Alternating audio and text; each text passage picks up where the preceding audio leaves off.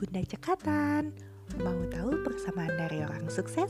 Sama-sama mempunyai kemampuan komunikasi.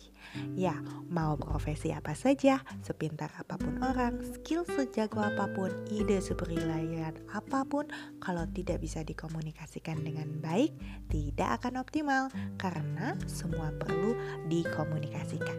Berikut tips berkomunikasi yang bisa kita pakai sehari-hari. Tips yang pertama, perhatikan bahasa tubuh.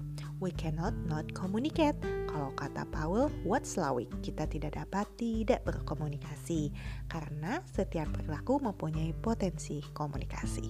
Yang kedua, selain berbicara dengan bahasa lawan bicara, pastikan konten, bahasa, nada suara, dan bahasa tubuh kita sesuai dengan lawan bicara.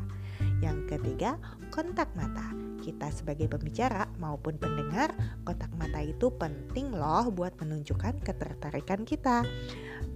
Yang selanjutnya, jangan cepat berasumsi apalagi menggunakan persepsi pribadi. Take your time, cerna dulu message-nya. Biar kita dapat lebih menerima pesan secara objektif. Yang terakhir, jangan lupa komunikasi itu bersifat irreversible, artinya tidak dapat diambil kembali. Sekalinya kita sudah mengucapkan sesuatu, kita tidak dapat mengenari kembali kata-kata yang telah kita ucapkan. Atau bahasa kerennya adalah to forgive but not to forget.